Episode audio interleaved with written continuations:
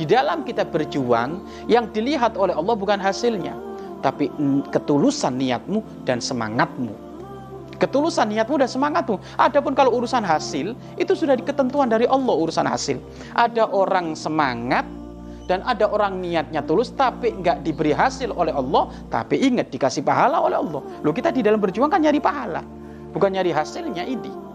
Tadi hasilnya sudah kembalikan kepada Allah Subhanahu wa taala. Maka dari sini di dalam berjuang kalau kita sadar bahwasanya yang, yang dilihat oleh Allah itu adalah niat dan semangat, maka dari sini tidak akan ada orang itu kecil di dalam berjuang.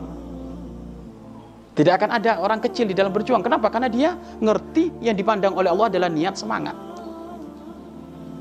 Sehingga seorang motivator berkata,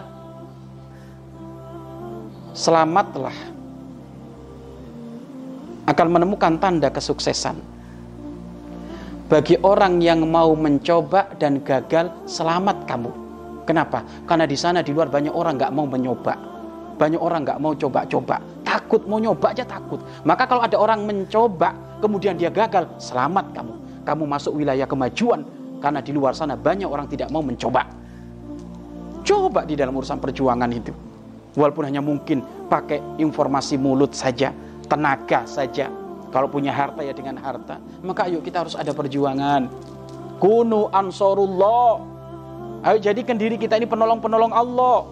Penolong Allah ini kan perjuangan. Penolong Allah itu apa? Sangat aktif di dalam urusan keagamaan. Apakah itu pondok, apakah yatim piatu, apakah madrasah, atau atau aktivitas-aktivitas keagamaan yang ada di kampung-kampung. Ikut semuanya itu.